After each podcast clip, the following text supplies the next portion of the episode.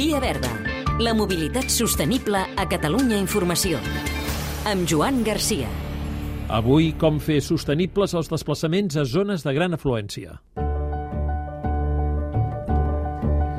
De quins espais parlem? Nacho Aguilera, responsable de l'àrea de ciutat i territori d'Ancesis La Bola, empresa especialitzada en sostenibilitat. Una zona d'alta afluència seria aquelles zones que per la seva activitat diària i habitual provoquen eh, un gran volum de desplaçaments en, en un dia. En aquest sentit, doncs, podem parlar des de polígons industrials, en sentit de grans zones d'activitat industrial, com poden ser recintes hospitalaris, universitats o les grans infraestructures de transport, com pot ser l'aeroport, eh, el port o, o les estacions, estacions ferroviàries ferroviàries. Com s'ha d'actuar en el cas de polígons industrials? Intentar buscar estratègies de cooperació tant dins de les mateixes empreses com entre les, les diferents empreses d'aquesta zona.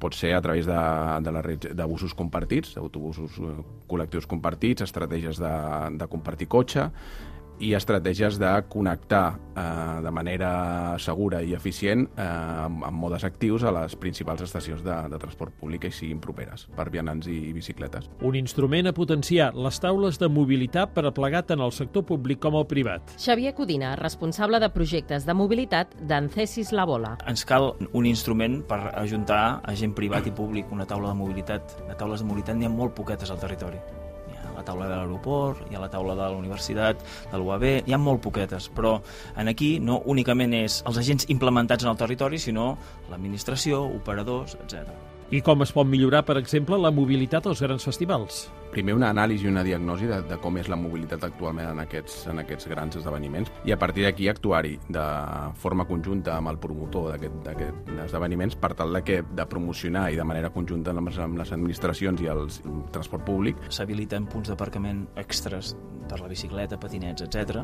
Això és un element que la mobilitat generada pel propi festival s'intenta que tot sigui elèctrica, amb un menor impacte, la incorporació de llançadores de transport, eh, diguem, discrecional, però també el fet d'això, el bitllet d'una zona està integrat en el preu de l'entrada. Els parcs comercials amb moltes places d'aparcament també concentren molta mobilitat, sobretot al cap de setmana. Implementar punts de recàrrega per vehicle elèctric et fa un pas cap a l'electrificació d'aquella mobilitat.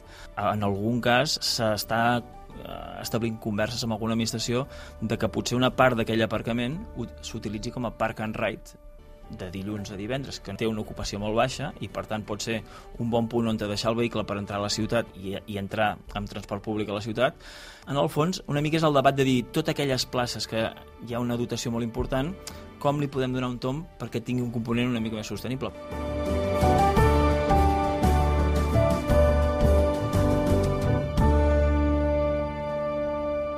També fan mobilitat sostenible l'àrea metropolitana i l'Ajuntament de Cornellà. Amb la posada en marxa de dos aparcaments d'intercanvi. El del centre comercial Llobregat Centre serà el primer aparcament d'intercanvi metropolità fora de la via pública i l'equipament serà el primer de Catalunya que destina places al Park and Ride. El torneig de tennis Barcelona Open Bank Sabadell. Perquè per primera vegada tindrà una flota de cotxes elèctrics i híbrids per traslladar els jugadors a través d'un acord amb la marca francesa Peugeot, que posa a disposició el seu model elèctric E2008 el tram. El tramvia de Barcelona és el primer transport públic català que rep la certificació en seguretat ferroviària operacional.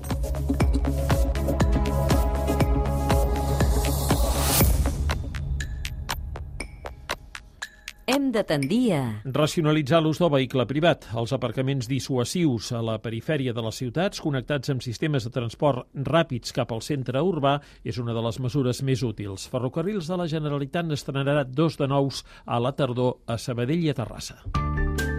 Via Verda, disponible al podcast i a catradio.cat.